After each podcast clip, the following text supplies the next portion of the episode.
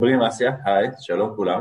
היום אנחנו נמצאים בפרק שהוא היה דרך חיבור של חיבור של חיבור, שאני מאוד מבסוט עליו, ולא יודע אם אתם שמים לב, אנחנו עושים הרבה פרקים בענף הדיגיטלי, ועשינו פרקים עם ironSource, עשינו פרק עם AppsFlyer, והיום אני ממש שמח שאנחנו נמצאים אה, בפרק עם עודד פרומר, שהוא המקים של Performance... Performance Revenues ו Gigantic. ג'ייגנטיק. ובעצם עודד מאוד מאוד עזר לי להתכונן לרעיון אחר שעשינו בתחום של פרפורמנס ומובייל, ואז עכשיו אנחנו מדברים ואני שומע על כל הדברים שהוא עושה ביפן ואיך הוא מכווין, אז אמרתי לו, רגע, שנייה, אתה גם, כאילו בוא תעשה גם אתה פרק אה, איתנו. אז אה, היי עודד, ברוך הבא. שלום, תודה רבה. איפה אתה, איפה אתה נמצא כרגע? בתל אביב, בבית.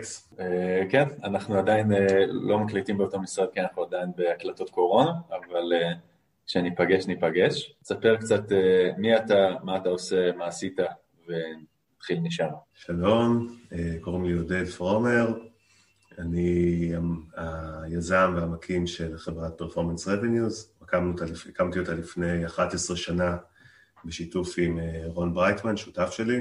לפני כן עשיתי כל מיני דברים נוספים שקצת פחות מעניינים כאן, אבל אם, תרצה אתה יכול לשאול, אני אענה בשמחה.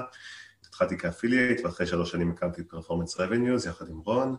Mm-hmm. החברה נתנה שירות לבעלי אתרים שהיו צריכים עזרה בשירותים של קידום שלהם, כל, כל מה שהוא performance based, כלומר PPC, affiliate programs וכן הלאה. החברה עברה כל מיני גלגולים שהמרכזי היה ב-2013, כשהיא הפכה להיות חברת mobile only, okay. שזה היה זה היה אחד השינויים הכי מהותיים, שעשינו את זה בערך שנה לפני כל השאר, mm-hmm. שזה נתן לנו חתיכת אדג' אה, מדהים ונובע לנו שנתיים פסיכיות לגמרי, 2014-2015, שהיו שנים מטורפות לחלוטין. Mm-hmm. ואז בדרך לא דרך התחלנו לעבוד עם לקוח יפני בשנת 2015, Mm-hmm.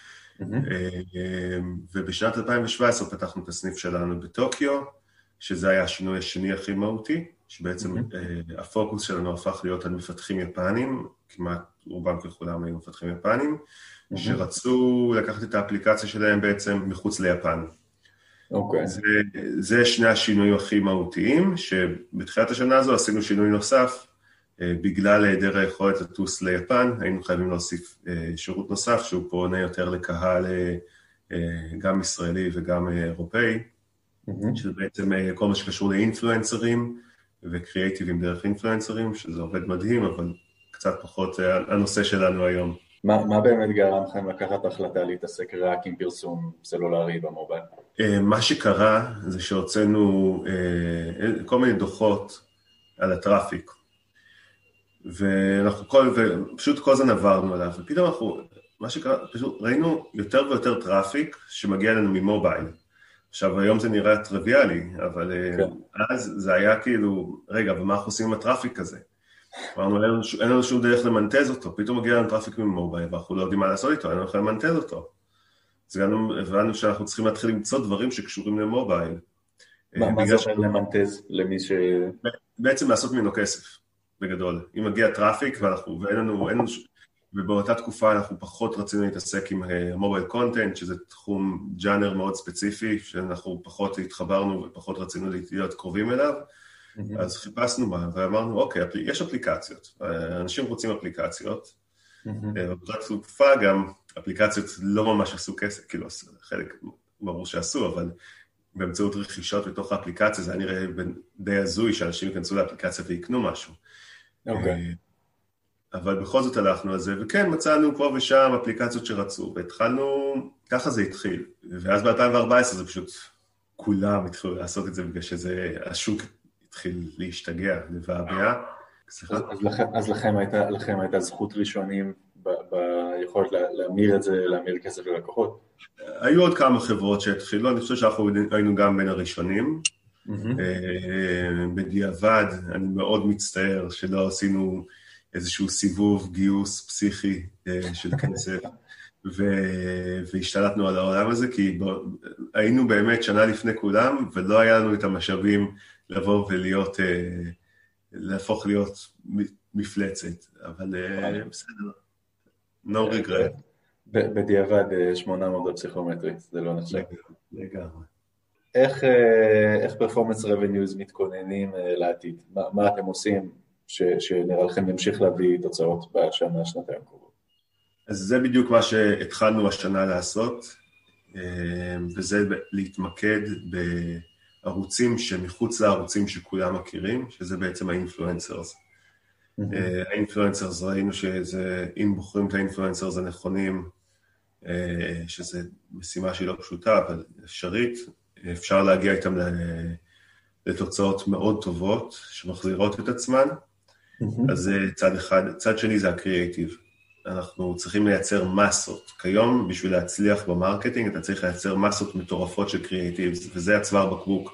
כמעט כל uh, uh, growth person שנדבר איתו, marketing person, שנדברים איתו, שואלים אותו מה אתה צריך mm-hmm. בשביל לגדול, הוא יגיד לך קריאייטיב, שזה...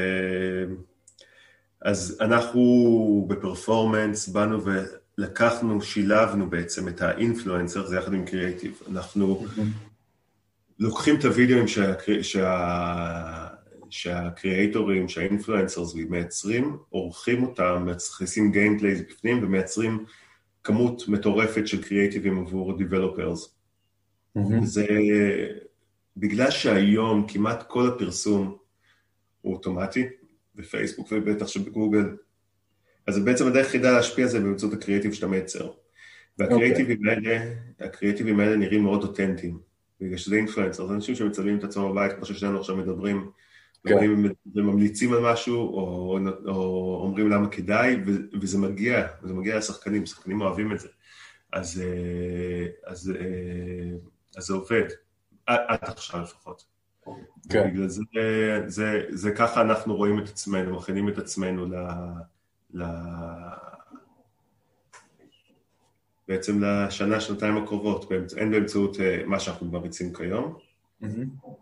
והן באמצעות... אה, אבל אין לזה, אין לזה אפקט קצת של גימל יפית? זאת אומרת, כשאני רואה אינפלואנסר, אני מתאר לעצמי שהוא מקבל כסף, אה, הוא מספר לי על מוצר, הוא, הוא חייב להגיד, לתאר איזה שהם דברים, הנה המוצר הזה מעולה מסיבות ככה וככה, זה לא מעלה מגננות לאנשים, או שפשוט אנשים יודעים ובכל זאת בגלל שהם אוהבים את הבן אדם המקומי? קודם כל כן, זה מעלה מגננות, זה ברור שזה מעלה מגננות, זה מצד אחד. מצד שני, אה, אני לא מתווכח עם, אה, עם עובדות. אוקיי. אה, וזה עובד. אז אתה יודע, בתיאוריה אנחנו יכולים לבוא ולחשוב דברים מסוימים ו... ו... ולהסיק מסקנות, אבל בסופו של דבר יש לנו את המבחן התוצאה. במבחן התוצאה זה עובד. אם זה יעבוד בעתיד, זו כבר שאלה אחרת. נכון לכרגע זה נראה טוב, ולדעתי זה גם ימשיך לראות טוב, בגלל שצרכנים אוהבים המלצות, ואוהבים לשמוע דעות, ואם זה אינפלואנסרס שמאמינים לו, של אינפלואנסרס שלא באמת, לא ייקח כל מוצר, זה לא שעכשיו אני אבוא לאינפלואנסר של אה, אופנה ואני אגיד לו בוא תקשיב, יש לי עכשיו אפליקציה שהיא RPG פסיכית, אז בוא תקדם לי אותה. אם אינפלואנסר, אם משפיען כזה באמת יבוא ויגיד, אוקיי, מעולה, כנראה שהתוצאות שלו גם לא היו טובות, בגלל שזה לא אותו קהל וזה לא רלוונטי וזה בכלל לא קשור. אבל אם, אם אותו אחד של אופנה יבוא וייתן המלצה ספציפית על מה, על מכשיר, תכשיר שהוא גם ניסה או ניסתה, אה, וזה עבד, ומרוצה או היא מרוצה, אז, אה, אז למה לא? הבנתי. הרי יש כאן איזושהי מערכת יחסים בין האינפלואנסר כן. לבין האודיאנס שלו. הוא צריך לבוא ושהם יהיו מרוצים ממנו, הוא צריך לבוא ולהיות אותנטי איתם, אז הוא ימליץ על דברים שהוא... גם, גם מי שמשלם לו, בוא לא נהיה תמימים, אבל גם מי שבאמת הוא במוצרים שלו. הבנתי. אה, אוקיי, אה, מגניב. אז בואו ניקח את זה ונכניס את זה ליפן. את, אתם לא התחלתם עם השוק היפני, ובאיזשהו שלב נהיה לכם המון לקוחות יפנים. תספר לי איך זה התחיל, איך, איך, היה, לכם, איך היה לכם את הלקוח הראשון. אמ, את הלקוח הראשון, אני לא יודע איך הוא הגיע. מה שקרה עם הלקוח הראשון זה שפשוט אני הייתי בכנס באמסטרדם, ומישהו עולה מולי בסקייפ בטלפון ואומר לי, מה אתם עושים? תעצרו מיד את הקמפיינים. אני כזה, טוב, אה, מי זה? אז הוא אומר לי, זה מי, אני איקס מחברה Y. כן. לא, טוב, אני לא מכיר, אני שנייה אחת שולח הודעה, עוצרים את הקמפיינים ואני, ואני, ואני מדבר איתך. אוקיי. אני חוזר, אני משלח טלפון, שולח הודעה ל- לישראל, אומרים לי, אנחנו בכלל לא מריצים את זה. אוקיי. אז אמרתי לו, אז אמרתי, אז מה אנחנו כן מריצים? בכלל במדינה, במדינה אחרת, ונגמר שם התקציב, והפסקנו את זה לפני איזה חודש. וואלה. טוב. אז אני יושב מולו, אמרתי לו, תקשיב, אנחנו בכלל לא, הוא דיבר על צרפת. אמרתי לו, אנחנו אוקיי. בכלל לא הרצנו אותך בצרפת, אנחנו בכלל הרצנו אותך בארצות הברית. והפסקנו לפני חודש, אז אני לא בטוח. אומר, אוי, סליחה, פשוט הבוס שלי אמר לי שמישהו שולח לו traffic בצרפת, שזה traffic לא טוב, ואני... ובגלל שאתם חדשים יחסית, אז חשבתי שזה אתם. אמרתי לו, לא. אבל בוא נקבע שיחה, למתי שאני חוזר לישראל. אז קבענו שיחה, והתחילו בינינו יחסים טובים, עד היום אני אוקיי. בקשר איתו. אה, אה, והגדילו לנו תקציבים, בסופו של דבר זה נוצר מצב שאנחנו מול agency אחר, בעצם מתחרים על, אה, על, ה, על האפשרות לבוא ולהיות האקסקלוסיביים של אותו לקוח, שזה היה, באותה, באותה תקופה זה היה אחד הלקוחות הכי משמעותיים וגדולים ביפן, וואו. והם החליטו שמי שנותן להם את הפרפורמנס היותר טוב, יקבל את כל התקציב. זה היה מאבק עקוב מדם של שלושה חודשים, שכל יום וכל רגע רק חשבנו ועבדנו על זה, ובסוף אנחנו ניצחנו וקיבלנו את התקציב, שבשעתו זה היה מדהים, בגלל שאנחנו חברה קטנה, בוטסטראפט, מקבלים כזה לקוח יפני, לעומת חברה ענקית עם אינסוף כסף ותקציבים, שהצלחנו לנצח אותה, וזה היה מדהים. אז זה היה סיפור ההצלחה הראשון, וזו באמת החברה היפנית הראשונה שהצליחה לצאת אה, מחוץ ליפן בצורה מוצלחת. אתה יודע להגיד- אתה יודע להגיד למה אתם ניצחתם, או שזה היה כאילו... אה, אה, אנחנו כולנו עבדנו בזה. זה אוקיי. היה די מצחיק. כאילו אנחנו, במלחמת גרילה, כשאתה, כל, כל המוטיבציה שלך, וכל מה שאתה רוצה זה רק לנצח, וזה גם היה המון אגו, זה היה, ממש רצינו את זה, כאילו, זה היה, כל כך רצינו את זה, שפשוט נלחמנו על כל, על כל פירור שם בשביל לדאוג שהם יקבלו את ה performance הכי טוב שיכול להיות. וואו. ושם, חברה שנייה, אני מניח, אני לא יודע, לא הייתי שם, אבל אני מניח שכאילו זה היה שם את ה account manager, למרות שאני יודע שגם אחד האנשים הכי בכירים בחברה גם עבד על זה, אבל כאילו בסופו של דבר זה היה, זה היה הרבה פחות uh, כוח, כאן כולנו עבדנו על זה. וזו הייתה החברה הראשונה שיצאה מחוץ ליפן והצליחה, שנבין, וואלה. כאילו בתור אפליקציה, שזה, שזה מדהים, בגלל שהרי יפנים, מה שהם רוא- הם רואים איך אחרים מצליחים ומנסים, אה, ורק אז בעצם הם מקבלים את האומץ לבוא ולנסות בעצמם, אם בכלל. אז זה היה הלקוח הראשון. אוקיי. האפליקציה החדשה שלהם הייתה כישלון מוחלט, משהו מזעזע, אבל בואו לא נדבר כאילו, אבל כאילו, זו האפליקציה הבאה שלהם פשוט הייתה ברמה שאפילו אחרי הטסט הראשון זה כבר הבינו שזה לא הולך לשום מקום והם המשיכו להתמקד ביפן. וואלה. מה שמדהים זה שיחד עם זה, מה שקרה זה שהגיע אלינו הלקוח השני שלנו. שאותו אני פגשתי בסן פרנסיסקו, אחרי שמי שניהל את הביזנס דיבלופמנט לחצה עליי, עודד, אתה חייב לפגוש אותם, חייב לפגוש אותם, וזה היה נראה לי כמו חברה שלא מעניינת ולא... מה מה עשית בסן פרנסיסקו? הצגנו, זה היה ה-Game Connection ו-GDC, אז אה, הצגנו שם, והיינו אז באצטדיון בייסבול של, אה, של ה-GDC, שזה של, ה... של סן פרנסיסקו, של אצטדיון יפהפה. אוקיי. היא אומרת לי, תקשיב, עודד, אתה חייב לפגוש אותם. אני, טוב, נו, היא תמיד משגעת אותי, תמיד זה דברים לא זה, בסדר, יאללה, נפגוש אותם. אז אני בא, אני יושב איתם, שני יפנים, מאוד נחמדים, אחד לא דובר אנגלית בכלל, למרות שבדיעבד גיליתי שהוא מבין הכל. אה. שהוא- הבוס, שהוא המנכ"ל, ועוד אחד איתו, שהוא כאילו יד ימינו, שהוא דובר אנגלית, שניהם מאוד נחמדים. אומרים לי, עודד, תקשיב, אנחנו רוצים, אה, יש לנו את האפליקציה הזאת, הראו לי אותה, אנחנו רוצים להגיע ל... להיות בטופ 10 בארצות הברית, יש לנו מיליון דולר, ואנחנו רוצים לקנות עכשיו uh, incentivized users, שמי שלא מבין מה זה, זה בעצם יוזרים שמשלמים להם באיזשהו currency, אם זה in-app או משהו כזה, okay. אוקיי. בשביל שיתקינו אפליקציה, באותה תקופה אנשים עדיין קנו את ה traffic הזה, okay. אוקיי. המטרה היחידה שלו זה להגביל, להגדיל לך את ה rankings אה, בחנויות, ואז אנשים מגיעים אליך ומתקינים אותך בצורה אורגנית. אה, באותה תקופה שנאתי את זה, ואחר כך זה גם די נפל, בגלל שזה traffic שהוא גרוע. גם אם אתה עולה, גם אם אפל או גוגל לא היו עולים עליך, mm-hmm. ואז היו יכולים להעיף אותך מהחנות, שזה זוועה הכי ברמה הכי קשה שיש. אז מה שהיה קורה זה, גם אם זה היה מעלה אותך ב ranking, וזה לא תמיד היה עושה את זה, אז זה היה מעלה אותך לזמן מאוד קצר, ואחרי זה היית יורד. אוקיי. Okay. ומיליון דולר, שאתה שם את זה על כזה דבר, בעיניי זה היה פשוט בזבוז. מצד אחד, okay. זה עודד ה... זה עודד אחד שבא וראה את זה, ומצד שני היה עודד שאמרו לו, קח מיליון דולר, אני יודעת שאתה יכול לגזור שם מרג'ין שהוא מטורף בגלל שזה הטראפיק הכי זול שיש בעולם. ידעתי שאפשר לגזור שם מרג'ין מאוד גבוה. ואמרתי להם, תקשיבו, בואו נעשה פגישה נוספת, תנו לי לחשוב על זה. אוקיי. Okay. אז חזרתי, חשבתי, אמרתי, מה, ניקח, נעשה להם אינסנטיבייז מיליון דולר, הם נראים לי אנשים נחמדים, זה, זה כאילו, זה פשוט לשרוף להם את הכסף, אין שום, אין בזה שום היגיון, לא, פשוט שום היגיון. שמי, שמי שמקשיב, שמקשיב, התהליך שאתה מספר זה בעצם מישהו נמצא באפליקציה אחרת, מקבל תמריץ של נקודות או עוד כסף או זה, להוריד אפליקציה אחרת, ואחר כך בסוף זה זבל, זה לא עניין אותו, הוא סתם ניסה להשיג נקודות, אז הוא לא נוגע בזה. נכון.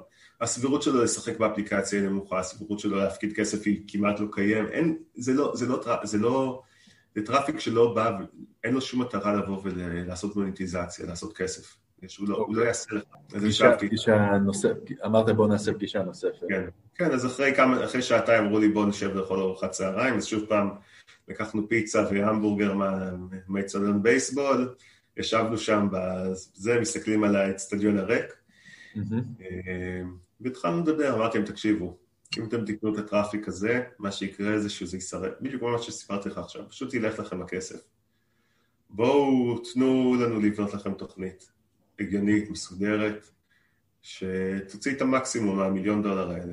אמרו לי אה, שלא נראה להם, אבל טוב, שאני, שאני אציע.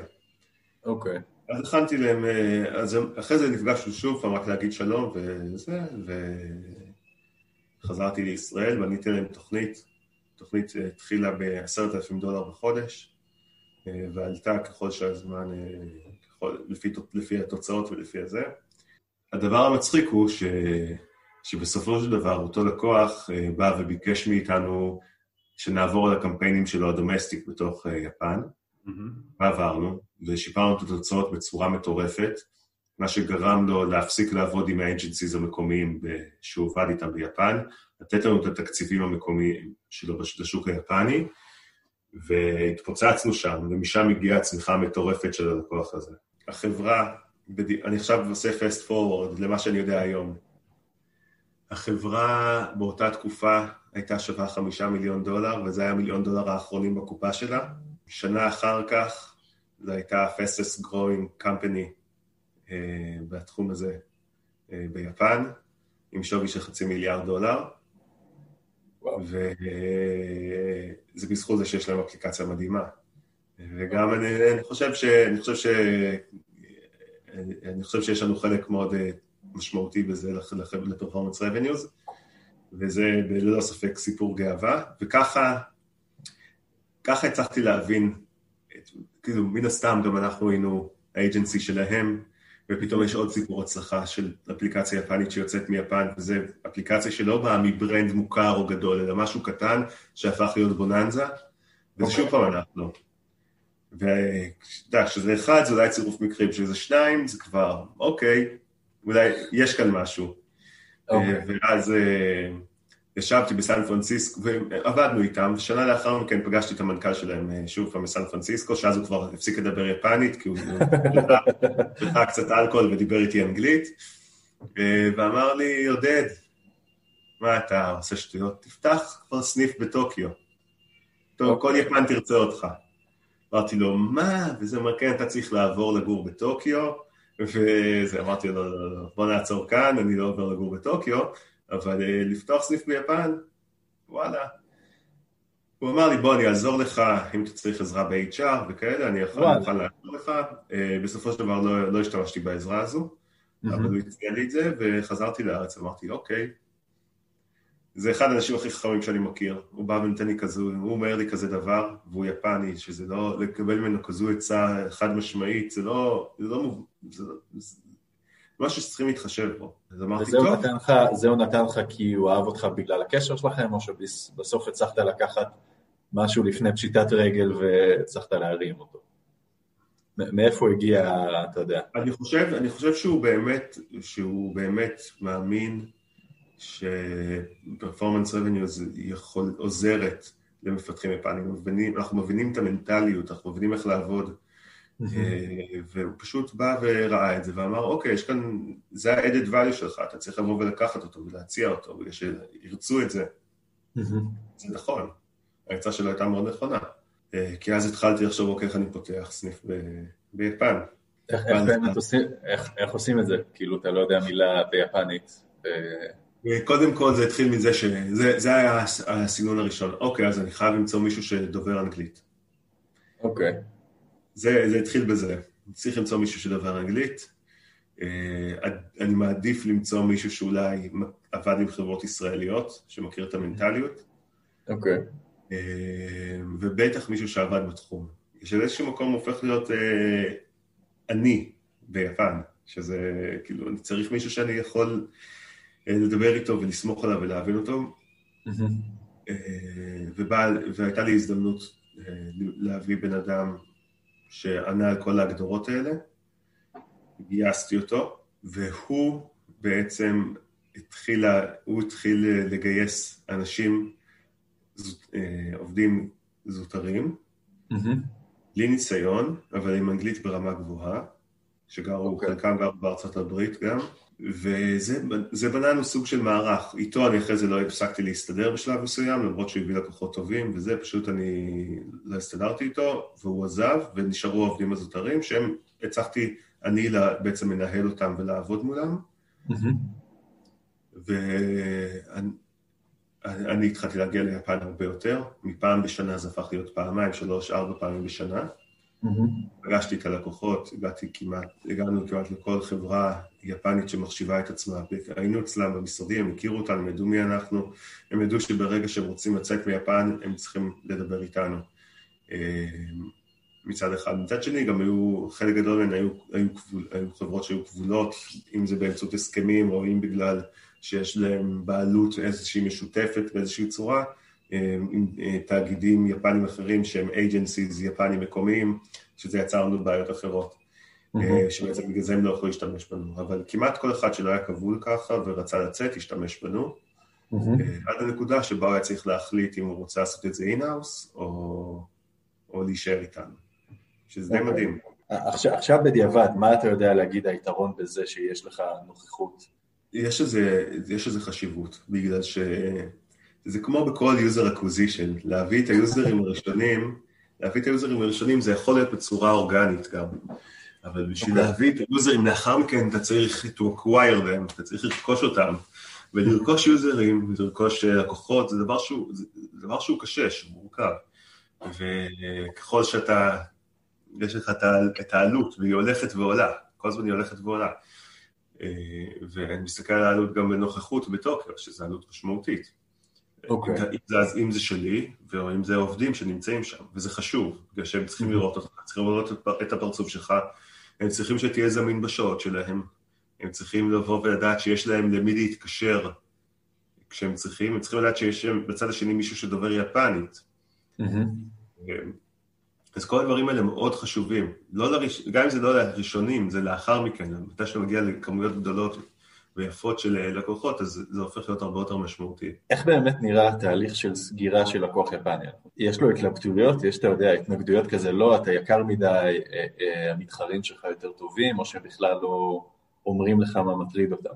איך כאילו נראה השלבים האלה של לרכוש לקוח יפני משלם, כמה זמן זה לוקח. מה שקורה זה שאתה מצליח, ל... מצליח ל... לסדר פגישה, שזה משהו שגם לא מובן מאליו שלוקח זמן, אתה פוגש את הבן אדם, שהוא צריך לבוא ולהעביר את זה הלאה, ואתה פוגש עוד ועוד ועוד, ויש לך עוד שיחה ועוד שיחה, ואם יש התנגדויות, אז אתה לא, לרוב אתה לא תדע מה ההתנגדות, אתה לא תדע מה מטריד את הצד השני. וואלה. אני אתן לך דוגמה. יש לנו, לקוח, מישהו שהוא לקוח שלנו כבר היום, שיש לו אה, מגוון רחב של אפליקציות. Mm-hmm. והוא רצה להעביר אל, אלינו את כל התקציבים שלו, mm-hmm. את הכל.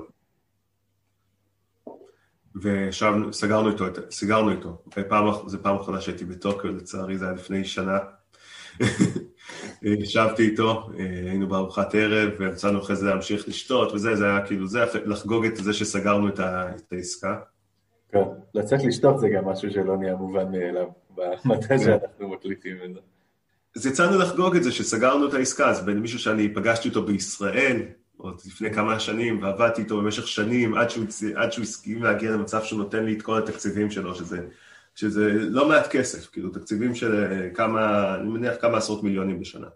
אה, והוא, הסכים לתת לנו את הכל, לסגור איתנו. אחרי שנים של ניסיונות שכנוע כאלה, אחרים, זה, הוא אמר, יאללה, אני רוצה לעבוד איתכם. והגעתי לארץ, הוא לא עונה לי, הוא, לא, הוא רק מדבר עם האנשים של הקמפיין, על הקמפיין. הוא לא עונה לחבר'ה שלי בטוקיו, רק כל מה שזה מסתכם בשיחות אה, חולין של אהלן, מה נשמע, מה העניינים. אוקיי. Okay. אז אני עליתי מולו, אתה יודע, אחרי איזה חודשיים בפייסבוק, תגיד, מה, מה העניינים? מה קורה? אז הוא אומר, אה, יש בעיה, אתם לא עושים קריאייטיב, ואז, לא, ואז לא מאשרים לי לעשות את זה. אמרתי לו, מה זאת אומרת? זה, זה אחרי חודשיים של, כאילו, של ניסיונות להבין, רק אחרי חודשיים הוא הסכים... כן. אבל אנחנו כן עושים. אמר לי, אה, כן? אמרתי לו, כן. אז הוא אמר לי, אה, בסדר, אז אפשר להמשיך. אז מה? קיצר, אז אה, אמרתי לו, מעולה, יאללה, נמשיך. ואז הוא שוב פעם נעלם. וזה שוב פעם כמה חודשים. ואז הסתבר, ואז הוא בא ואמר לי, תקשיב, יש, יש, אה, הוא אומר לי, תקשיב, יש אייג'נסי שהיא מעורבת בזה, שבעצם באה ולא לא מאפשרת, באה ונתנה לכם בלוק, חסמה אתכם. אבל אז הוא אומר, כן, אני עובד על זה, אני מנסה, אבל זה, זה ייקח לי עכשיו זמן. אז אה, שם נתקענו, מישהו שעובד איתנו, שאנחנו נותנים לו תוצאות מטורפות, שהוא יודע שאם הוא יעבוד איתנו ויעביר את שאר התקציבים אה, אלינו, אז זה ישפר לו את, את, את הכל. הוא מונפק בבורסה, הוא שווה הרבה מאוד כסף, הוא ידע שזה יעלה את השווי של החברה שלו בצורה משמעותית, כי הוא מראה bottom line הרבה יותר טוב. אמר לנו, זה תקוע בגללם, שם. די. וזה הצד הפחות כיף. הרבה פחות כיף של ביפן, שאנחנו ראינו את זה לא פעם ולא פעמיים, של הפוליטיקות, של שחקנים שמתערבים, וזה זה לא נעים, אבל גם זה חלק מהמשחק, וצריכים להכיר אותו, וצריכים לדעת שברגע מגיע, שמגיעים למצב הזה, אז גם צריכים לבוא ולהגיד, אוקיי, עכשיו יש לי כאן מאמצים עצומים שאני צריך לעשות בשביל... אה, האם זה שווה, האם זה לא שווה. אז אנחנו שומרים על קשר, אנחנו עדיין מנהלים חלק מהתקציבים, מדי פעם נוסיף עוד קצת משהו מצליח, אבל... אה, אבל שם זה, עכשיו, לדעתי, אם היה לנו יותר כוח ביפן עצמה, אם היה לי שם לצורך העניין איזשהו general manager ברמה הכי גבוהה שיש, אז יכול להיות שהייתי יכול עכשיו לבוא ולסגור את זה. אבל כל עוד זה, כל עוד זה לא שם, אז, אז קשה. אז אתה נתקל פתאום בצד הפחות נעים והפחות כיפי. ש, שפשוט מישהו מלמעלה הולך וחוסם את זה, כי זה, כי זה פשוט... נותן, נותן לך את, את הבלוק. אבל, אבל איך הגענו לזה בכלל? הגענו לזה בגלל שזה קשה מאוד להבין הרבה פעמים מה יושב עליהם. ו... וזה זה, זה אתגר, זה אתגר, בגלל שהרבה פעמים אתה מבין מה יושב עליהם, לפעמים זה שטות, לפעמים זה ממש שטות כמו הקריאיטיב. זה הכי שטות, ולפעמים זה דברים גדולים שזה די להילחם בתחנת רוח, פשוט קשה מאוד לבוא ולשנות. כמו אותו אייג'נסי ששווה הרבה מאוד מיליארדים שאומר, לא, זה, זה מה שקורה כאן וזהו. אוקיי. Okay. אז, אז להבין את המחסומים זה כנראה אחד הדברים הכי חשובים. בגלל שתמיד יש מחסומים, פשוט צריכים לדעת להבין אותם ולפרק אותם, ואחרי שאתה מפרק אותם, להמשיך הלאה. יש איזשהו כישלון, או, או אתה יודע, קמפיין שפחות הצליח, שהיה איזושהי הסקת מסקנות שעשיתם ממנו, משהו... תמיד יש כישלון, זה לא, לא היה כישלון במובן של משהו שקטסטרופה. הלקוח הראשון עם האפליקציה הנוספת שיצאה, זה היה, זה היה כישלון, זה היה כישלון, זה היה, זה היה, זה היה נורא. זה היה ים של עבודה, ים של לחץ, ים של עבודה, שבסופו של דבר האפליקציה אחרי שבועיים כאילו פשוט נגנזה ונעלמה מכל... שזה היה, זה היה פרויקט שהוציאו עליו המון כסף עם brand מטורף, וזה פשוט... אני לא יודע מה, אנחנו בקושי התחלנו ב marketing, אבל אני מרגיש איפשהו כישלון שלנו בזה שאנחנו היינו כל כך invested into it. אה, לפני שבכלל היה משהו, אז זה היה... אני חושב שזה היה כישלון ברמה, ברמות הכי גבוהות שיש מהאנשים שיושבים שם. כש, כש, כשאנחנו מדברים על זה, אתה קצת אה, מתאר מצב שיש לנו אפליקציה, האפליקציה היא או טובה, בינונית או לא טובה, באמצע יש איזשהו, אה, אתה יודע, כסף שאנחנו שמים בקמפיין בכמות תקציבים מסוימת, ואז תמיד יש הצלחה. איפה יש שם באמצע בתוך הפרפורמנס הבדל בתוצאות? מאיפה זה מגיע, ובמיוחד עם אפליקציות יפניות שאתה מנסה להוציא אותן החוצה. קודם כל אנחנו צריכים להבין, אומנם אפליקציות יפניות לא יוצאות הרבה מחוץ ליפן או מאסיה באופן הכי, הכי גס שיש, אבל היפנים בכל התחום של הגיימינג, מאז ומעולם הם הובילו את העולם, מאז ומעולם. אוקיי. האפליקציות, הם קצת נכנסים, אתה יודע, אם זה, אם זה, אם זה, אם זה המגה דרייב או המגה סון ששיחקנו, או הסדרות טלוויזיה שהיינו רואים, שלמרות שהיינו בטוחים שזה משוודיה או נורבגיה, זה בכלל מגיע מיפן. זה, זה סופר מריו שכולנו, זה הכל הגיע מיפן, פוקימון, יפן. זה כמעט, רוב ההצלחות בעולם של המשחקים, המקור שלהם מיפן. במובייל, מסיבה לא ברורה, לקח להם הרבה יותר זמן לבוא ולהיכנס, וגם זה עדיין, זה עדיין לא נכנס לגמרי, זה בתהליכים. אבל לקח לזה, לקח לזה הרבה זמן. אני לא יודע למה, אבל זה, לא, זה קורה. אז זה מה שאני מסביר גם ליפנים שאני פוגש, הם מאוד מפחדים להיכנס, הם אומרים, תראו, אבל, אבל אף אחד לא יבין את האפליקציה, אז אני מסביר, תראו. כל אלה שרק דרכו בחוץ היה בום, אז, אז למה לא? אם האפליקציה טובה, אז למה לא? אה, זה, זה המחסום הראשון. Mm-hmm. שזה הרבה פעמים מוצר הוא טוב, פשוט צריכים לעשות כמה adjustments שהם לא, לא רציניים, שגם לי אין קשר אליהם אפילו, זה adjustments של, של, של המוצר עצמו, שיתאים יותר לשוק האמריקאי נגיד, או צפון אמריקאי, ואחרי זה אפשר להתקדם. ובצד שלי, של ה marketing, זה בעצם לבוא ולא לעבוד לפי, לפי מסות, אלא למצוא את אותם שחקנים שאוהבים את הג'אנר, שאוהבים, שאינגייג', שזה מה, ש, מה שעושה להם טוב בחיים. שזה פרסום שהוא מאוד ממוקד ודורש יכולות פייסבוק לרוב מאוד, מאוד בסיסיות. של התרגות שלהם. וזה, וזה משהו שאנחנו עבדנו עליו, גם אם אנחנו לא היינו מוציאים הרבה מאוד כסף, גם אם היינו מוציאים מאותו לקוח מעט כסף, שהאינטרס שלנו כאג'נסי זה להוציא יותר, בגלל שככל כן. שמוצאים יותר, ככה אנחנו מרוויחים יותר. אנחנו חשבנו שם הפוך, בעצם אמרנו, אנחנו לא מוציאים הרבה.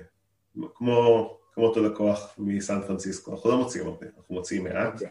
אבל אנחנו מוציאים כל דולר בצורה חכמה, בשביל לבוא ולמקסם את, את, ה, את ההחזר שיהיה מכל דולר. ואז לקוח, מרגע שהוא רואה שיש לו החזרים טובים בהתחלה, הוא אומר, אוקיי, זה פותח את התיאבון, זה עוד צ'אנל של growth, עוד צ'אנל שאפשר לבוא ולעשות משהו. ו... וזו השיטה שלנו, בעצם לא לשרוף, אלא לעבוד מאוד ממוקד עם מרג'ינים קטנים, לנסות ל... לסחוט את הלימון עד הטיפה האחרונה בשביל להחזיר כמה שיותר. ואחרי שאתה עושה את זה, פתאום זה נהיה יותר קל. כי אתה מתחיל לעשות לוק הלייקים, ואתה מתחיל להגדיל את האודיאנס, ואז פתאום יש פחות רגישות על יוזרים שאתה מכניס מהם פחות כסף, בגלל שזה אתה יודע שיש לך בלונג רן, יש לך שחקנים שיחזירו את הכסף. אוקיי. Okay. אז, אז, אז זה נפתח, וזו המטרה, כל הזמן אה, לפתוח עוד דלת בשביל, בשביל לגדול, ולשבור עוד מחסום בשביל לגדול. וזה מהשלב הראשון, עד, וגם אחרי שאתה מתחיל את הקמפיין, אתה צריך להמשיך לפתוח את אותן דלתות בשביל לגדול ולהיות משמעותי. אוקיי.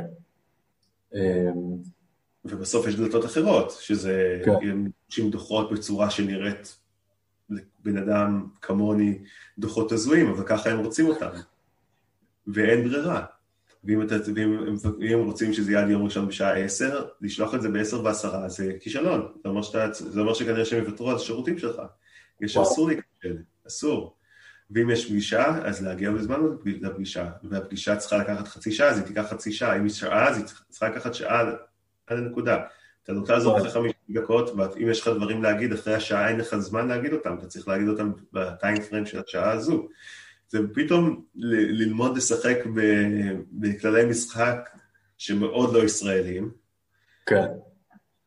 פתאום להיות בשקט ולשמוע אותם מדברים, או להיות בשקט ושגם הם בשקט, וזה לגיטימי וזה טוב וזה דבר שהוא מצוין. אם כל צד עושה וחושב לעצמו, זה דבר שהוא נפלא. וואלה. כן. וזה משהו שבתור ישראלי זה נשמע לך כמו אוי ויי, רגע, השיחה נתקעה לנו. לא, זה בסדר. הם חושבים, אתה חושב, ואחרי כמה mm, של שתי דקות, תבוא השאלה שתבוא ו... ועכשיו אתה צריך להתחיל, אתה תתאם עם בעצמך בשביל לחשוב מה אתה הולך לענות על כזו שאלה. אוקיי. Okay. ככה זה, זה, זה פתאום אה, עולם אחר, זה, זה תרבות שונה, זה הכל שונה, יש לך, זה, זה הכל שונה, זה, וזה מדהים. אוקיי. Okay. בואו בוא, בוא ננסה עכשיו להיכנס קצת באמת לקריאיטיב על אפליקציות שכן הוצאתם חברות יפניות החוצה. אה, איך, איך אה, אתם ניגשתם לקחת את ההצעת ערך שאפליקציה נותנת לקהל היפני, ובאמת אה, לגייר את זה במרכאות לקהל מערבי, לקהל אמריקאי, לקהל מחוץ ליפן.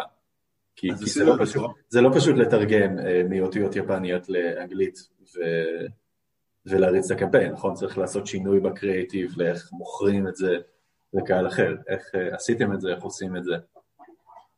זה, אנחנו עשינו את זה גם כן בצורה מאוד הדרגתית, בגלל שאנחנו התחלנו, קודם כל, עם אנשים שאוהבים את התרבות היפנית. אוקיי. Okay. הצלחנו להגיע לזה בצורה כזו או אחרת, של אנשים שמאוד ג'פן uh, אוריינטד. אוקיי. ואז השין, כמות השינויים שעשינו לא הייתה גדולה. עשינו שינויים, אז כמובן זה היה באנגלית וזה, אבל השארנו את הקריאיטיב יפני. אוקיי. Okay. וככה הצלחנו בעצם, ואז, ואז תמיד זה להשיג את, הראשונים, תמיד, תמיד, תמיד, למצוא את אותם שחקנים ראשונים. אחרי שאתה משיג את הראשונים, אתה מתחיל להיות יותר חכם. אז, ואלה השחקנים שאנחנו יודעים שהם הכי, הם ה-early adapters הקלאסיים, ושזה אנשים שאוהבים את יפן, יש חלקם מדברים יפנית, זה אנשים ש, שזה בדיוק בשבילם, ואם הם לא, הם לא יאהבו את האפליקציה, אכלנו אותה. אוקיי. Okay. אם כן אוהבים את האפליקציה, אז אולי יש כאן פוטנציאל. אז ברגע, ש... אז בהתחלה אנחנו עושים שינויים, אבל הם יחסית מינוריים. המטרה היא למצוא את אותם שחקנים, את אותם יוזרים.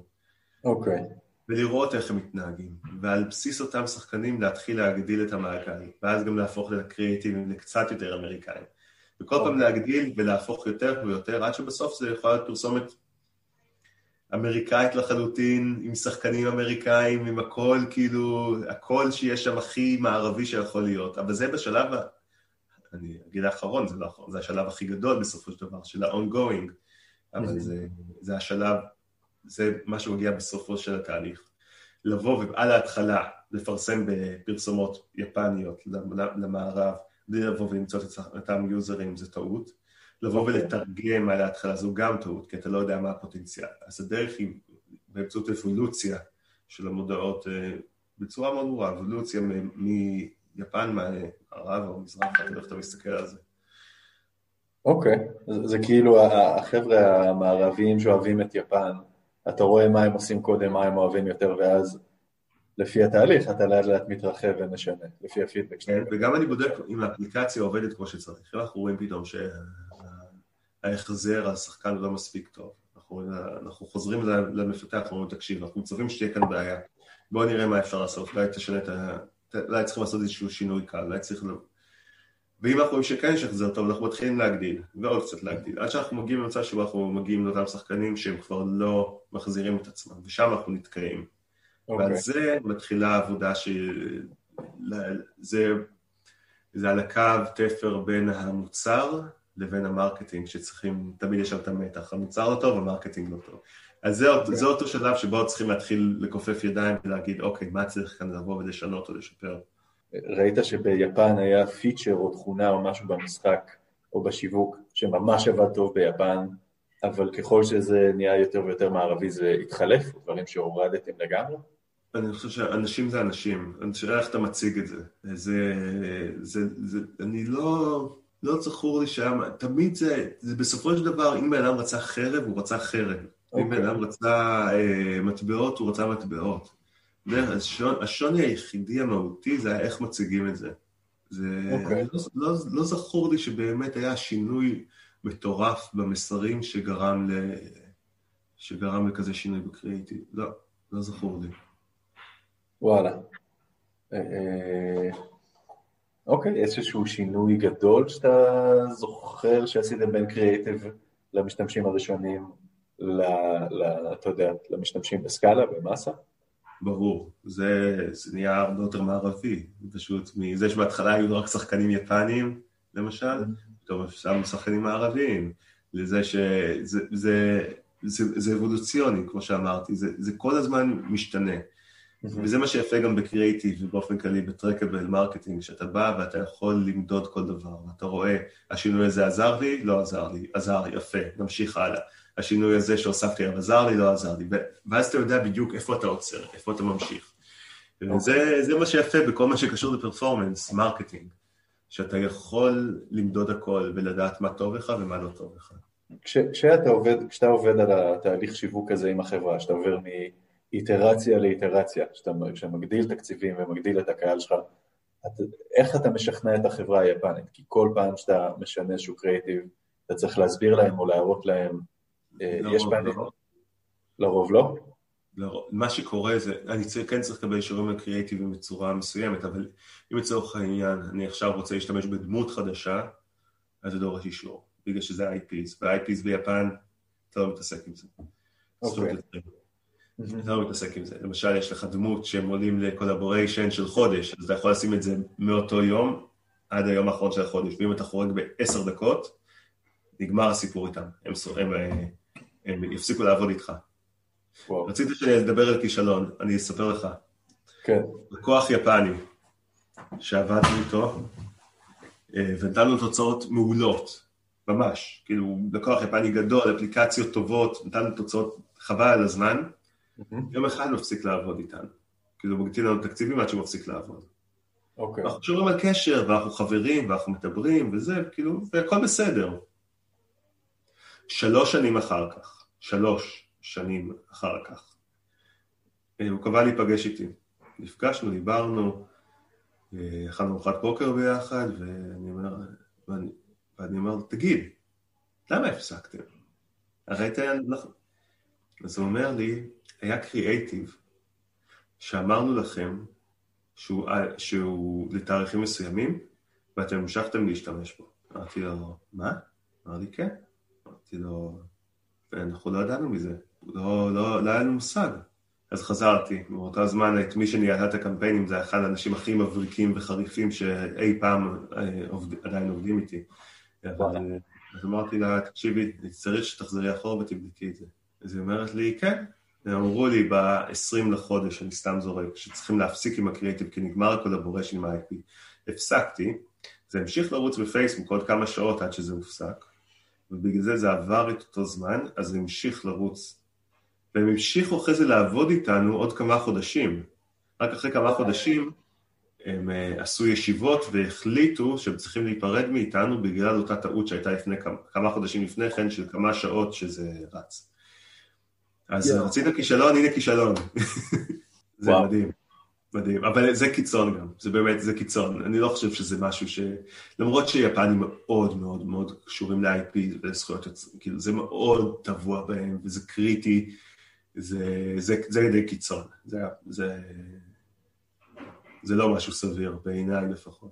אתה, אתה, כשאתה עובד עם לקוח יפני, הוא אומר לך, סע, לך תעשה את הקריאיטיב שצריך תביא תוצאות, או שלפחות בקריאיטיב הראשוני בתוכן הפרסום שאתם יוצרים, אתם צריכים לשכנע אותם ולהסביר להם למה אתם חושבים שזה יעבוד. זה, זה יחסית פשוט, זה לצערי מדמן כבר לא... אנחנו, okay. אני, אני לא, אני בעולם של הפרפורמנס, ובעולם של הפרפורמנס, בטח של האפליקציות, יש לך את ה... זה די, זה די ברור, אתה מראה קטעים מהאפליקציה, אתה מראה אנשים שמשחקים, אתה מוסיף, אתה מוסיף כפתורים, אתה, זה, אתה מראה את הגיימפליי. ככה, ככה פרסומות, אתה יודע, אם זה הייפר קז'ואל זה יהיה משהו אחד, ואם זה יהיה RPG זה יהיה משהו אחר, אבל זה כמעט הכל תמיד לפי אותו, לפי אותו שטאנץ, עם כל מיני איזשהן הבריקות קטנות שגורמות לשחקן לשים לב ולהתייחס לפרסומת שלך ולא לפרסומת אחרת. אז אין כאן באמת מדמן. אוקיי. לצערי, אבל כן, אז אתה מרים להם את הקריאיטיבים, וזה בדרך כלל גם לא, זה גם לא מהווה בעיה. הבעיות מתחילות כשיש זכויות יוצרים. כשפתאום יש אה, שיתוף פעולה עם, אה, עם סגה, ומותר להשתמש בדמות מסוימת של סגה בפרסומת, אבל מותר להשתמש בה לפרק זמן מסוים. ואסור אחרי זה להשתמש בה. או שאסור להשתמש בדמות אחרת. אוקיי. Okay. או שאסור להזכיר את השם. למשל, אני עשיתי, העברתי מצגת, גם זה היה בביקור האחרון שלי. עשיתי, העברתי הרצאה למפתחים יפנים, והכנתי מצגת, ורציתי להראות להם כל מיני, כל מיני דוגמאות, שזה גם דוגמאות שמוכרות. והעובדת שלי ביפן אמרה לי, עודד, אתה חייב לה, לה, להוריד את, ה, את הלוגוים ואת השמות של החברות מהמצגת. למה? אני רוצה לדבר על זה, זה מידע שהוא פאבליק, זה ידוע, אנחנו בפורום סגור, זה לא ש... אמרתי, לא, אתה לא יכול. אמרתי לה, תקשיב, דברי עם המארגן של הכנס, זה לא נשמע לי סבבה. הוא אמר לי, כן, היא צודקת לגמרי, אתה לא יכול לעשות כאלה דברים. וואלה. אבל זה פאבליק, אנחנו בפורום, זה לא שאני... אי אפשר. אז מזה שאמרתי חברה X, הייתי צריך לבוא ולהפוך את זה לחברה שעושה את כך וכך וכך וכך, שכולם יבינו על מה אני מדבר. די, על פי פרסום מקורות זרים. לגמרי, לגמרי מקורות זרים. היום כשאתם מנסים אה, להביא לקוחות חדשים, זה נראה כמו, היי, כאילו זה יותר הפניות? כאילו איך... אה, זה, זה... היום אני, בגלל המצב ובגלל שאני לא יכול לטוס את טוקיו, mm-hmm. אני שם על זה, זה לא רק טוקיו, האמת, זה, עוד דברים, אה, ליפן, אני, אנחנו הורדנו הילוך בצורה מודעת, אנחנו שמים את הפוקוס שלנו כיום על האינפלואנסרים ועל, ה, ועל, ה, ועל הקריאייטיבים, בידיעה שברגע שהמצב הזה ייגמר, אנחנו חוזרים לשם ומוכרים את המוצר החדש בכל הכוח אה, בשוק היפני, שאנחנו מוכנים לזה ואנחנו מריצים את זה על כמה חברות יפניות, ואנחנו רואים שזה גם עובד. Okay. אז אוקיי. אנחנו די מכינים את הקרקע, אני מקווה שאמצע השנה כזה, שכולנו נכתוב זריקה ונוכל לטוס בשקט ובלי לפחד מקורונות, אז אה, אנחנו נוכל אה, להתפרץ שוב פעם, נעשה גרף שוב פעם עם איזה אקספוננציאלי יצא מה, מהלקסיקון, אבל שנחזור את אקספוננציאלים ב, ביפן. מה היית רוצה ש, שהיו אומרים לך כשהתחלת? לא כזה מה היו טעויות, אבל עכשיו בדיעבד עם השמונה מול פסיכומטרי, מה היית רוצה שיגידו לך כשהתחלת? קודם כל, בפן האישי, לטוס, אה, להתחיל, אני עשיתי, התחלתי קורס יפנית לפני שנתיים, הייתי צריך להתחיל אותו לפני חמש שנים. אוקיי. Okay. כשהגעתי למצב שאני יושב בשיחות, אני לא, אני לא יודע כלום ביפנית, שום דבר. Mm-hmm. אבל כן הצלחתי להבין נושא נשוא ומילים בלועזית איך הן נשמעות. Okay. אוקיי. ואז אני ישבתי בפגישות והצלחתי להבין על מה הם מדברים, מה הנושא, על מה הם מדברים. Mm-hmm. וזה היה מדהים, זה באמת אחד הדברים הכי טובים של זה. כשאני יושב בפגישה ומדברים, והם בטוחים שאתה לא מבין כלום. ואז אני אומר להם, אז לגבי הנושא הזה והזה, זה צריך לעשות ככה. והם מסתכלים והם אומרים לי, אתה מדבר יפנית. אני, לא, אתם פשוט, הבנתי מה אתה עושה שאתם מדברים עליו. אה, אה, אחת העובדות שלי בטוקיו, מפחדת כבר לדבר לידי ביפנית, כאילו, אז ללמוד יפנית, הייתי צריך להתחיל לפני חמש שנים, שזו הייתה טעות. אוקיי. עוד דבר שהייתי צריך לעשות זה לטייל הרבה יותר ביפן. הייתי ביפן אין סוף פעמים, הייתי רק בטוקיו, ולא טיילתי שם. וזו טעות, טעות חמורה. Okay. אוקיי. גם בגלל שיש חברות מחוץ לטוקיו, שמהסיפורים שהבנתי הן הרבה יותר פרנדלי וקל לעבוד איתנו מאשר בחברות שבטוקיו, למשל לטוס להפסקה לצורך העניין זה משהו שהייתי צריך לעשות, וזו הייתה טעות חמורה מאוד שלי. Mm-hmm. מה עוד? הם, הם אוהבים, כאילו הם עושים, עושה רושם שהתרגיל הזה של אני לא מדבר אנגלית, אבל בתכלס אני יודע את השפה טוב מאוד, הם אוהבים שעושים להם את זה הפוך, או שזה... אם עלו עליך זה ביג נו נו. אה, זה לא, זה לא, זה לא, זה גם לא ככה, כן, זה, קודם כל זה לא שאני מדבר יפנית, אני לא יודע כלום ביפנית. אני רק מבין דברים מאוד, מאוד ספציפיים, ואני אומר להם את זה מראש, גם אני מציג את עצמי ביפנית, ואני לא מנסה את זה. אה, ולא, אני חושב שזה מאוד, אה, זה מראה להם הרבה כבוד, זה, זה מראה להם שאתה מעריך אותם, ושאתה מנסה ללמוד את מה, ש, את מה שהם עושים, זה, זה בסופו של דבר תרבות שיש בה המון אלמנט של כבוד, זה, זה, זה אחד הדברים שעליהם, שעליהם היא מושתתת, וזה זה, זה מראה שאתה מכבד אותם. הבנתי. אה, אוקיי, אז פשוט זה, ש, זה שלא אמרת להם מראש שאתה מבין קצת יפנית או לומד יפנית, לא, זה. כן, זה לא, זה לא, זה לא אישו. זה לא, זה לא אישו, אולי אם הייתי דובר יפנית ברמה יותר גבוהה זה יכול להיות אישו, אבל זה לא ברמה שאני נמצא, ברמה שאני נמצא זה לחלוטין אה, קוריוז נחמד.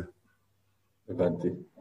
אה, מעולה, המלצות, אה, המלצות לעוד מישהו אה, לעתיד ששוקל לעבוד עם לקוחות יפניים, משהו כזה בסגנון? קודם כל זה מאוד לא ישראלי, אבל לחשוב שנתיים קדימה. אני חושב שזה הדבר הכי קריטי, בגלל שאם אתה חושב על חודשיים קדימה, אתה לא תצא משום דבר. לחשוב שנתיים קדימה גם במשא ומתן, גם בתחילת העבודה, כל הזמן לחשוב לגמרי, לגמרי, לגמרי בטווח זמן ארוך. מה כאילו... הכל, הכל לוקח זמן, כל חוזה, כל הסכם, כל דבר, כל, כל דבר באמת לוקח הרבה זמן, וצריכים לדעת, אה, וצריכים להבין את זה, שזה לא מהיר, אנחנו זה לא ישראלים של טוב, יאללה, בואו נסגור את זה ונתקדם. כמו שאנחנו סגרנו את הפודקאסט הזה. זה לא, זה לא עובד ככה. צריכים לחשוב, וצריכים להתדיין, וצריכים לדבר, וצריכים לעשות עוד פגישות ועוד שתיקות של כמה דקות. וככה זה, זה חלק מהתהליך, אתה צריך לטוס ולפגוש אותם, ואתה לא יכול לעשות את זה בשלט רחוק. זה, זה המון השקעה. זה, זה המון המון המון השקעה. זה מערכת יחסים שדורשת המון ממך. אה, בעיניי זה שווה את הכל, גם בגלל שזה תרבות שמדהים לעבוד איתה, וגם בגלל שמבחינת ביזנס, אה, אני רואה את זה, יש ארצות הברית, סין ויפן, מבחינתי. אה, אז זה, זה, זה שוק מדהים, מטורף, עם אינסוף פוטנציאל. ולי ש... זה שווה את זה, יכול להיות שלאחר זה לא שווה את זה, אבל לי זה כן. אבל כשאני מתחיל כל פעולה שאני חושב על לעשות עם השוק היפני, להבין שאני מתחיל לראות משהו רק שנתיים קדימה. יכול להיות שתראה לפני, אבל אם אתה תחשוב על זה שנתיים קדימה, אז גם בתהליך של הביזנס, אתה תיתן את התוצאות שהוא רוצה לראות. גם אם אתה מתחיל, גם אם אתה מתחיל, מתחיל משא ומתן סוגר ומתחיל לעבוד, תסתכל שנתיים קדימה, אל תסתכל על עכשיו. עכשיו זו טעות, צריך לבוא ולחשוב לטווח זמן ארוך. אני יודע שזה לא ישראלי מצידנו, וזה זה אפילו ההפך מאיתנו, כמו שאוהבים להראות במצגות השונות של ישראל-יפן. זה בדיוק מה שזה. זה ההפך, וצריכים לדע, לצאת מהאור שלנו ולחשוב על טווח זמן הארוך. גם לשמור על הישראליות, בזכות הישראליות אנחנו באים ומצליחים להביא תוצאות שהלוקל אידנטיז לא מצליחות להביא. מה, מה זה אומר לשמור על הישראליות? בחשיבה, ביצירתיות, באיך לעשות את הדברים. זה משהו לא עובד בצורה אחת, נעשה צורה אחרת. זה לא, אם קיבלת לא, אז אתה יודע שזה לא, אבל אתה צריך לבוא ולמצוא דרך שזה יהיה כן. ואני מדבר על הפרסום עצמו, אתה צריך כל הזמן להיות, להיות ahead of the game, כל הזמן לחשוב מה הלאה, מה אתה צריך לעשות, מה אתה צריך לשנות. ואם תעשה את זה ככה, אז צריך למצוא להם את הפרצות שהם לא הצליחו למצוא בדרכים אחרות. וזה המפתח, זה המפתח, להצליח, להצליח, זה מה שחשוב, להצליח. אם אתה מצליח, אז שברת את המחסום, כי אתה הצלחת. כן. זה מה שחשוב. מצד, מצד שני, אתה צריך תמיד לזכור שזה להצליח עכשיו, זה לא, זה נחמד, אבל אתה צריך להצליח ב, עכשיו כל הזמן, לאורך כן. שנתיים, yeah. רק אם אתה מצליח לאחר שנתיים, אתה באמת את הבוננזה, וככה צריכים להסתכל על זה, בעיניי. הבנתי.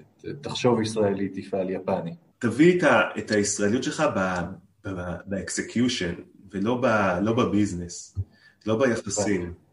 ביחסים אתה צריך לכבד אותם ולהיות, ול, ו... לא, אתה יודע, אנשים חושבים, מה, אני לא אביא כרטיס ביקור עם שתי ידיים, אני אביא... זה לא מעניין אותם. זה הדבר האחרון שמעניין. מה okay. אוקיי. שמעניין זה, כן, זה לא, זה לא, הם יודעים שאתה, שאתה זר ושאתה לא מאותה תרבות, אבל בעבודה מולם יש להם סטנדרטים שאתה צריך לעמוד בהם. ואם זה להגיע בזמן, זה להגיע בזמן. ואם זו פגישה של שעה, היא תהיה שעה. ואם זה זה, זה שמבקשים report בצורה מסוימת, אתה צריך להגיש לו בצורה מסוימת, אם אתה חושב שהוא צריך את בצורה אחרת, אתה יכול לבוא ולהציע להם, אבל בטח שלא לשלוח אותו ככה ולהגיד להם, אני חושב שזה יותר נכון בצורה הזאת. Okay. אם אוקיי. רוצים דדליין על קריאייטיב, זה דדליין על קריאייטיב. אם רוצים לא להשתמש ב-IP, זה לא להשתמש ב-IP. זה דברים שאתה חייב to follow. אם אתה לא, אז פשוט מאוד הם יפסיקו לעבוד איתך. זה יהיה, זה יהיה, זה יהיה cut מאוד חלק. כשיש להם סטנדרטים שצריכים לעבוד לפיהם. נכון, ומצד אחד. מצד שני, אם אתה רוצה לנצח, אם אתה רוצה לבוא ושהקריאייטיב הזה יעבוד, אם אתה רוצה שה, שה, שהלקוח הזה יצליח, אז אתה צריך להיות ישראלי בצורת חשיבה שלך, איך אתה executing את הקמפיין. מבין? זה כאילו, זה לעשות את ההפרדה. עכשיו אני צריך להרוג את הקמפיין הזה, אני צריך לבוא ולגרום לזה ש, שה-CTR שלו יהיה פסיכי ולא משנה מה, אז אני אעשה את זה, כל עוד אני עומד בכל הכללים שלהם, אבל אני אמצא את הדרכים שלי לגרום לזה לקרות. הבנתי. אמ, אוקיי, אה, אה, מעולה. תשמע, אני, חושב שזו הדוגמה הכי טובה ששמעתי עד היום לאיך מאזנים את זה. עד היום שמעתי או אנחנו ישראלים וממש צריך אותנו, ובלעדינו היפנים או, אתה יודע, הסינים או כל מדינה של כל פרק הם אבודים, ובלעדינו אין להם פתרונות, או אם לא תפעל כמו שהם רוצים, אתה אבוד ותישאר אה, בחומוסייה בארץ. אז זהו, חברים, עודד ממש, וואו, ממש ממש ממש תודה. ו... בכיף, מקווה שיצא מזה משהו טוב ומועיל. אם יש לאנשים שאלות, אה, אה, אם יש לאנשים שאלות אליך על יפן, אה, אפשר, הם יכולים לפנות אליך? כן, בכיף. אוקיי, סגור. אפשר בלינקדאין, אפשר באימייל, אפשר בפייסבוק, דברו, פשוט אני משתדל לענות לכולם. אוקיי. אה, סגור, אז את הפרטים ש, שאחרי זה נרצה נשים אה, בפוסט. וחברים, המון המון תודה, אם אתם אה, מסכימים עם מודל, חושבים אחרת, מוזמנים לשים בתגובות. ואנחנו בקרוב מתקרבים לפרק 100, שאני מתכנן לכם משהו גדול. אז א', אם אתם רוצים לשמוע עוד, אם אתם רוצים להשתתף או לדעת איך לעזור, או אם אתם עושים דברים מעניינים באסיה, דברו איתי. וזהו, אה, עודד, המון המון המון תודה, באמת היה מעולה. תודה לך.